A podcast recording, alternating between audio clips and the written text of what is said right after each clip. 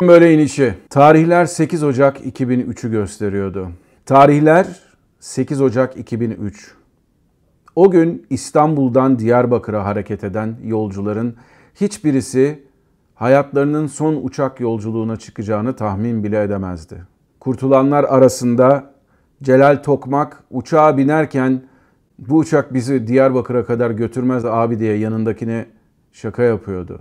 17A ve 17B olarak seçmiş olduğu koltuklardan memnun değil. Önlerden bir yerden bir koltuk alsaydık diyordu gerçi ama 17A ve B onun hayatını kurtaran koltuklar oldu.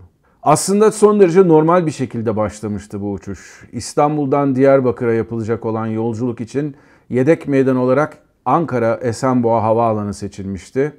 Hatta uçakta hem İstanbul'dan Diyarbakır'a ondan sonra pas geçilmesi durumunda beklemeye alınabilecek kadar miktarda yakıt vardı. Aynı zamanda da yedek meydan olan Ankara'ya kadar da sizi götürebilecek kadar yakıt mevcuttu.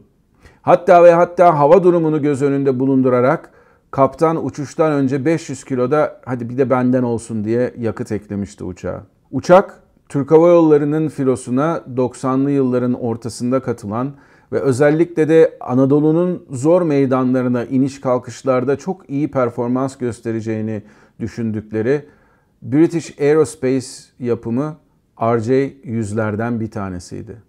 Hatırlarsınız daha sonra bu uçaklar filodan çıktı diye apronda deve kesmişlerdi kutlamak için. O da ayrı bir konu ya zaten. Aslında uçak gerçekten amacı için son derece uygun bir uçaktı. Belki çok afilli bir uçak değildi.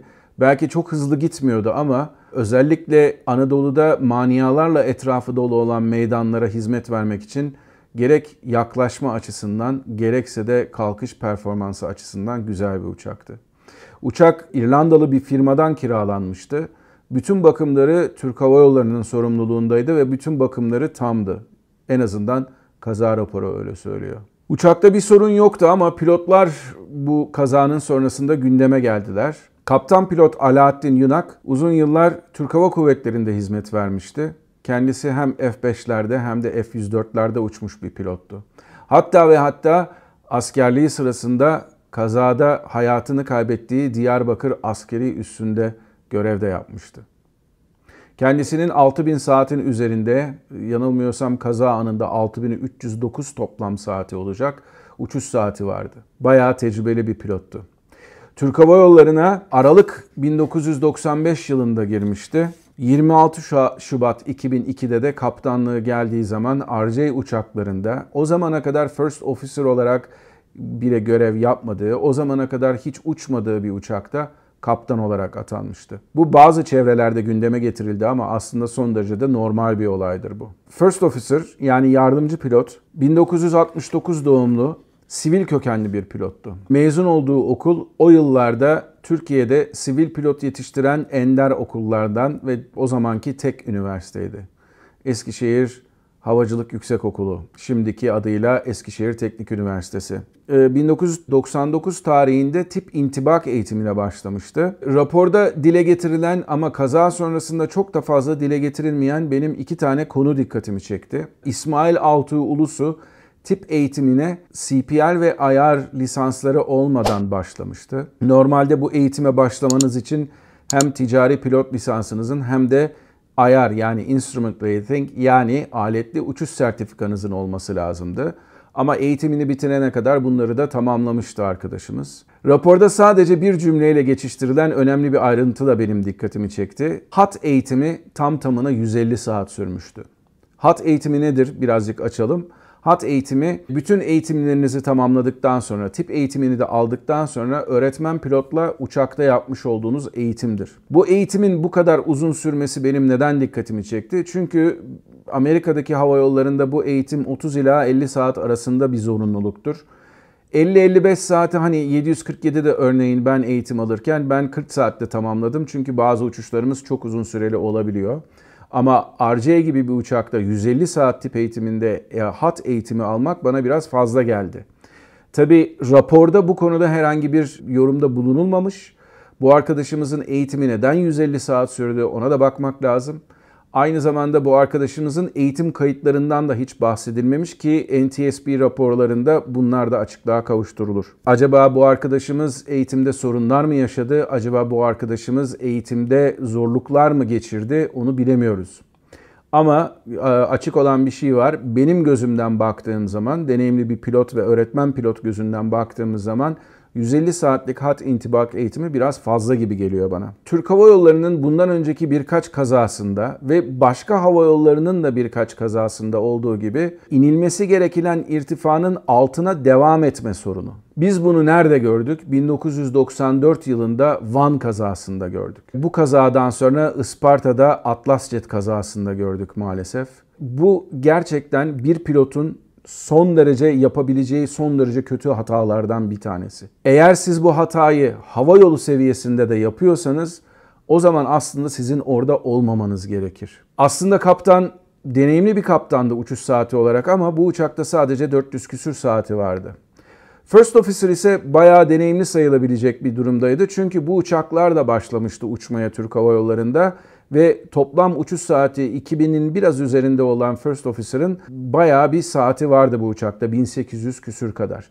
Artık 1000 saati geçince bir uçakta o uçağı bayağı tanıyorsunuz diye aslında görülür. Hele RJ gibi çok kısa mesafeli uçan uçaklarda çok fazla iniş kalkış yaptığınız için uçakla bütünleşmeniz biraz daha kolaydır. Dolayısıyla First Officer'ı deneyimli bir First Officer olarak düşünebiliriz.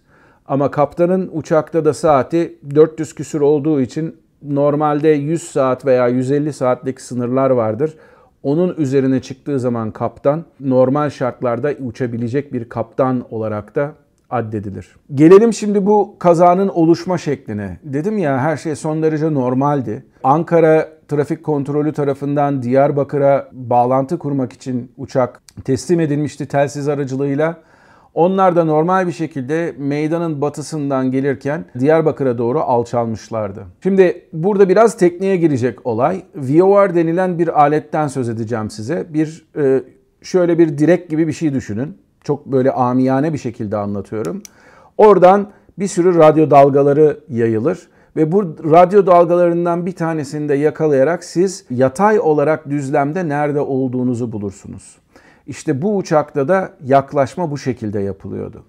Bu kazadan sonra çok fazla spekülasyon oldu. Tıpkı Atlas Jet kazasında da olduğu gibi. İşin ilginç yanı orada da bir VOR yaklaşmasında bu olay ortaya çıkmıştı. Efendim ILS olsaymış bu kadar bu kaza olmazmış dendi. Ama siz ILS minimalarının da altına indiğiniz takdirde meydanı da göremiyorsanız ve hala da pas geçmiyorsanız kaza yine olur.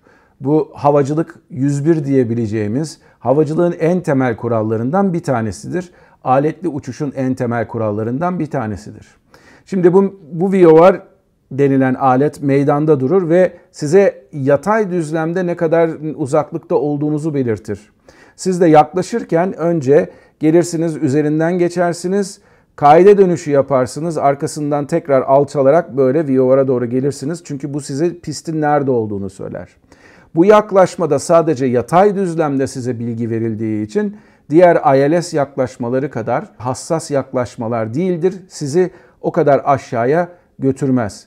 Ama siz o irtifaya gelip VOR'a geçtikten sonra uçağın inebileceği bir pozisyonda değilseniz o zaman pas geçmeniz gerekir.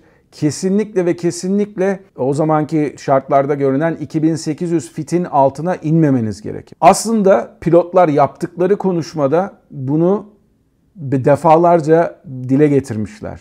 Hatta ve kaptan konuşurken diyor ki 2800'e bağlayalım oraya gelir pisti göremezsek pas geçeriz diyor. Aralarında her yakıt konusunda bir konuşma oluyor. Diyorlar ki işte yakıtımız şu kadar beklemeye müsait, şu kadar bekleriz, bu kadar yakıt harcarız. Ondan sonra da inemezsek ondan sonra Ankara'ya gideriz diyorlar. Yani aslında kendileri B planları hatta veya hatta C planları üzerinde uçuş sırasında, yaklaşma sırasında gerçekten bu konuyu tartışıyorlar. Kendileri de biraz biliyorlar ortamın biraz sisli olduğunu, görüş mesafesinin kötü olduğunu. Ama buna rağmen tabii ki yaklaşmayı siz yapabilirsiniz. Yaklaşmadan sonra eğer göremezseniz meydanı ondan sonra yapacağınız şey pas geçmek ya beklemek bir yerde ya da doğrudan Ankara'ya gidip Ankara'ya iniş gerçekleştirmek. Dediğim gibi bunları son derece açık bir şekilde aralarında tartışıyorlar. Ama ondan sonra ne oluyorsa oluyor. Kaptan belli bir süre sonra 2800 fitten sonra alçalıyor.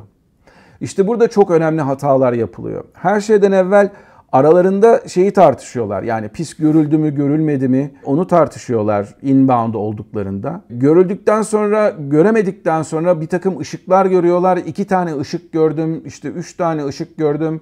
Pistin sonunu gördüm başını göremedim şeklinde aralarında tartışmalar oluyor.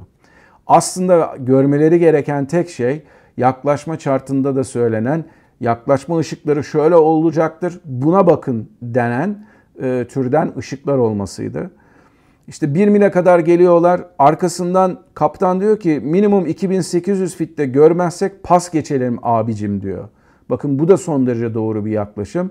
İşte bu arada FO sürekli olarak dışarıya bakıyor. Orası mı burası mı diye tartışırlarken havanın bayağı puslu ve sisli olduğunu da tartışıyorlar. Ama ondan sonra kaptan artık 500 fite devam edebiliriz diyor. İşte bu noktada yapılan en büyük hata birincisi kaptanın bunu söylemesi ama ikincisi first officer'ın buna karşılık tamam demesi. Buradaki ilişki bir kaptanla bir yardımcı pilot arasındaki ilişki bir amir memur ilişkisi değil. Bu insanlardan bir tanesi daha tecrübeli, bir tanesi şirkete daha sonradan girmiş bir insan.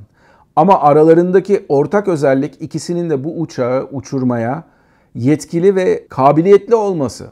Eğer öyle olmasaydı bu insanlar zaten burada olmazlardı. En azından öyle düşünüyorum. Yardımcı pilot buna tamam deyince orada bir soru işaretleri belirlemeye başlıyor. Eğer siz iyi bir yardımcı pilotsanız ve sizin inmeniz gereken irtifanın altına kaptan e, ben iniyorum abicim daha da yaklaşıyorum dediği zaman siz tamam diyemezsiniz.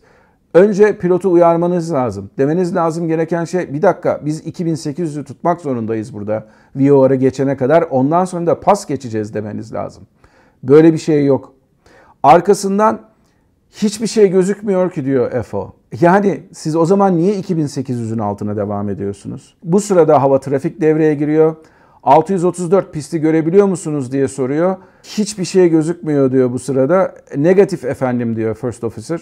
Arkasından da anlaşıldı efendim yaklaşmaya devam edin diyor hava trafik. Şimdi yaklaşmaya devam edin demek siz alçalmaya devam edin anlamına gelen bir sözcük değil. Ama bu tamamıyla yanlış anlaşılabilecek, yanlış yorumlanacak bir sözcük de olabilir. O yüzden yaklaşmaya devam edin. Acaba insanları daha da mı böyle yönlendirdi alçalmaya onu da bilmiyoruz. Sonra kaptan bir ara diyor ki sonu gözüktü galiba diyor. First Officer'ın söylediği evet diyor. Yani kaptan ne söylerse First Officer sadece başını sallayan birisi gibi sürekli onaylıyor. Bu arada bunlar yerden 500 fit kadar alçağa geliyorlar. Yani 2800 fit nerede? Yerden 500 fit alçaklık nerede? Bayağı bir alçalmış duruyorlar, durumdalar ve bu sırada uçak da alçalmaya devam ediyor. Burada işte First Officer'ın yapması gereken kaptanı sürekli uyarmak, sürekli uyarmak bakın pas geçmemiz lazım vesaire vesaire demesi lazım. Bu irtifanın aşağısına inmememiz lazım demesi lazım. Ama First Officer bana verilen bu rapordaki bütün konuşmalarda sadece kaptanın dediklerini sürekli onaylayan bir onay merciğinin ötesine gidememiş durumda. Maalesef ölen insanların arkasından böyle konuşmak doğru mudur değil midir ona siz karar verin. Ama benim gözümde olaya sadece birler ve sıfırlar ve bir kaza raporu incelemesi olarak baktığımızda burada yapılan şey tamamıyla CRM dışı bir olay. Tamamıyla yapılan çok büyük bir hata. Uçuş e, kurallarını çiğnemek. Onun dışında bırakın kuralları uçuş güvenliğini alıp da dışarı atmak gibi bir olay. Ve buna kaptanın cevabını artık o noktadan sonra Kerim böyle inişi diyor. Bayağı kaptan da artık böyle siniri bozuluyor. İnişte hala görememeden ötürü. First officer hala nerede gördünüz siz diyor. Yani kaptana siz pisti gördünüz mü diye soruyor. Aslında prosedür olarak kaptan eğer aletli uçuş yapıyorsa kendisinin kokpitin içerisinde kalması, first officer'ın da dışarıda meydanın olup olmadığını görmesi lazım. First officer'ın dönüp de kaptana siz nerede gördünüz ki diye sorması aslında prosedürler açısından da doğrudur değil. Ve arkasından kaptan biraz daha diyor. Bu, bu son derece kötü bir şey gerçekten. Ama biraz daha alçalalım, biraz daha alçalalım. Özellikle de yerden 500 fit uyarısı radyo altimetresinden geldikten sonra hala biraz daha demek gerçekten içler acısı bir durum. Ondan sonra da uçak maalesef pistte 900 metrekare yere çarpıyor, sürükleniyor ve yangın çıkıyor. Bu kazalarda dediğim gibi her şeyleri yorumlamak mümkün. Geçenlerde hatta bazı yorumlar geldi benim kaza videolarımdan bir tanesine. İşte orada ekran karşısında konuşmak kolay diye. Öyle değil. Biz bunları yaşayan insanlarız. Biz bunları gören insanlarız. Böyle hatalara yol verilmemesi için neler yapılmasını bilen insanlarız. Ve bunları da zaman zaman uçuş eğitiminde de gören, bu kazaları inceleyen insanlarız. Chartta olmayan irtifaları kullanmış kaptan. 500 fite kadar inelim, 2500 fite kadar inelim, şuraya kadar inelim, buraya kadar inelim demek ne yazık ki kaptan açısından iyi bir havacı, havacı eğitimi olmadığını, iyi bir havacı olmadığının göstergesi. First Officer nasıl bir eğitimden geçmiş ki, First Officer nasıl bir kafa yapısına sahip ki kaptanın bu yaptığı hataya müdahale etmeyi aklının ucundan bile geçirmiyor. Eğer öyle bir şey olsaydı, tereddütleri olsaydı en azından 2800'ün altına inmek istediğinize emin misiniz diye bir sorgulama olurdu. Ama dediğim gibi kokpitteki ilişkinin bir emir komuta ilişkisi olduğu zamanlarda bu durumlarda işte ne yazık ki first officer'lar müdahale edemiyorlar. Ayrıca benim başka kazalardan da dikkat ettiğim bir özellik var. Bu Türk Hava Yolları'ndaki arkadaşlar bana aşağıya yorum yazarlarsa veya bana özel olarak bildirirlerse sevinirim. Biz Amerika'daki bu, şu ana kadar çalıştığım 3 tane değişik hava yolunun hiçbirinde 10 bin fitin altında kabin ne konuşulmaz. Kabin sizi aramaz, siz kabini aramazsınız. Ama aynı şeyi ben Amsterdam kazasında da gördüm. İnişe çok yakın zamanlarda e, en azından bir anons yapıp arkasından işte ekip oturun yerlerinize filan türünden bir anons yapıyor. Bu gerçekten insanları özellikle böyle aletli yaklaşma sırasında bayağı dikkatini dağıtan bir olaydır. Bu kazada da benzerini görüyoruz. Hatta ve hatta diyor ki kabin kokpit kapısı açılıyor, kapanıyor filan diyor. Zannedersen burada kabin ekibi inişe hazırız efendim filan türünden bir şeyleri kapıyı açıp öyle söylüyorlar. Bu gerçekten kaza raporlarında gördüğüm bir özellik. Bu, bu operasyonel olarak son derece riskli bir şey. Dediğim gibi dikkat dağıtan bir olay. Bu da benim dikkatimi çeken noktalardan bir tanesi. Ama dediğim gibi özellikle CRM açısından, özellikle First Officer kaptan ilişkisi açısından bu ders olarak okutulması gereken bir kaza. Tabi bu kaza ile ilgili bizim Türkiye'de yapılan yorumlar her zaman için çok değişik yönlere çekilebiliyor. Yapılan haberlerde çok büyük hatalar var. Yapılan e, yorumlar çok acayip. Örneğin bir tanesinde herkesin söylediği efendim ILS olsaydı bu kaza olmazdı. Hayır eğer siz oradaki pilotlar iyi olsalardı Oradaki pilotlar işlerini doğru yapsalardı bu kaza olmazdı. Ankara'ya gitmişlerdi. Belki yolcular bağıracaklardı, çağıracaklardı. Belki şirket ya kardeşim sen inemedin mi diyecekti. Ama sonuçta bu insanlar hala yaşıyor olacaklardı. Kazayla ilgili izlediğim bir uzun zaman önce yapılan bir belgeselde buranın askeri meydan olmasından ötürü bir takım eksiklikler olduğu yönünde bir yorumlar vardı. Kaza raporunda belirtilen bir olay var. Ee, ortam o kadar sisli ki kazadan sonra helikopterler kalkıyor ve kaza mahalline ulaşmaya çalışıyorlar ve fakat sis nedeniyle oraya inemeyip tekrardan hava üstüne geri dönmek zorunda kalıyorlar. Şunda bir takım spekülasyonlarda itfaiyenin oraya zamanında gitmediği yönünde bir takım söylentiler var. Kazada hayatını kaybeden ailelerin yakınlarının şikayetleri var. Biz kaza raporundan memnun değiliz. Ayrıntıları anlatılmamış. Sadece olay kaptana e, yıkılmış türünden yorumlar gördüm ben yaptığım araştırmalarda. Ama gelin görün ki gerçekleri de e, yatsıyamazsınız. Hakikaten burada büyük pilotaj hatası var. Bu hatanın önüne geçmek için neler yapılabilir? Bu hatanın önüne geçmek için bunlar ders olarak okutulabilir ki 2003 yılında oluyor bu kaza. Van kazası buna benzer bir kaza. Aynı şekilde Türk Hava Yolları'nda ta 94 yılında olmuştu bu kaza raporlarını açıklamaya açıklamaya insanlar bu kaza raporlarını okuyamıyorlar, bunlardan öğrenemiyorlar. Aynı zamanda bunları ne kadar öğretiyoruz biz okullarımızda onu da bilmiyoruz. Çünkü aslında bunlar bizim için birer alınacak ders. Eğer 94 kazasındaki bilgileri bu pilotlar okumuş olsalardı, eğitilmiş ol, olsalardı bu konularda minimaların altına inmek, özellikle de böyle non-precision yaklaşmalarda inmenin ne kadar tehlikeli olduğu konusunda çok da daha bilgili olurlardı. Yine 1994'teki Van kazasında olduğu gibi First Officer kaptan ilişkilerinin kokpitteki CRM ilişkilerinin ne kadar önemli olduğunu daha iyi anlamış olurlardı. First Officer arkadaşımız onun görevinin sadece kafayı sallayıp kaptanın söylediklerini yapmak olmadığını anlardı. En azından 75 kişinin hayatı kurtulmuş olurdu. Ondan sonra olan Isparta kazası gibi kazalarda da yaşamazdık. Ama tabii onu evet Amerika yapmıştı. Çünkü biz bor madenlerini bulmuştuk. Dünyanın ortalığını kaldıracaktık değil mi? İşte böyle arkadaşlar. Ne yazık ki havacılık bu tabiri de çok sevmiyorum. Kanla yazılmıştır ama bazı şeylerden ders almak için de artık bırakın kanla yazılmış şeyleri mürekkeple yazılmış olan şeyleri okuyup onlardan ders alalım. Dökülen kanlardan ders almayalım ne dersiniz? Elim bir kaza, dersler çıkarılması gereken bir kaza. Umarım bundan sonra bu kaza raporları da açıklanır. Bu kaza raporunda zaten mecliste verilen bir soru önergesi olarak ona cevap olarak açıklanmış. Meclis tutanaklarında bu kaza. Keşke diğer kazalarda Ulaştırma Bakanlığı'nın web sitesinden, Sivil Havacılık Genel Müdürlüğü'nün web sitesinden rahatlıkla ulaşılabilse de yetişmekte olan arkadaşlarımız bundan ders alabilseler. Beni izlediğiniz için teşekkür ederim. Bundan sonra başka kaza raporlarında ama arada sırada da bu kadar elim konularda değil, aynı zamanda daha neşeli konularda beraber olmak üzere. Sorularınız, yorumlarınız için aşağıya yorum yazabilirsiniz. Kanala abone olmayı unutmayın. Bu videoyu ve diğer beğendiğiniz videoları da arkadaşlarınızla paylaşırsanız çok sevinirim. 20 bin kullanıcıyı geçtik, 20 bin aboneyi geçtik. Bu konuda da bütün abonelere ve bütün videolarımı izleyen herkese teşekkürlerimi sunarım. Başka 20 binlerde tekrar görüşmek üzere. Mutlu kalın, esen kalın ama her şeyden önemlisi sağlıklı kalın. Hoşçakalın. Evvel söylediği, söylediği elim kazalardan birini paylaşacağım. Öyle olmasın. Olmadı böyle ya. Sadece bir cümleyle cümleyle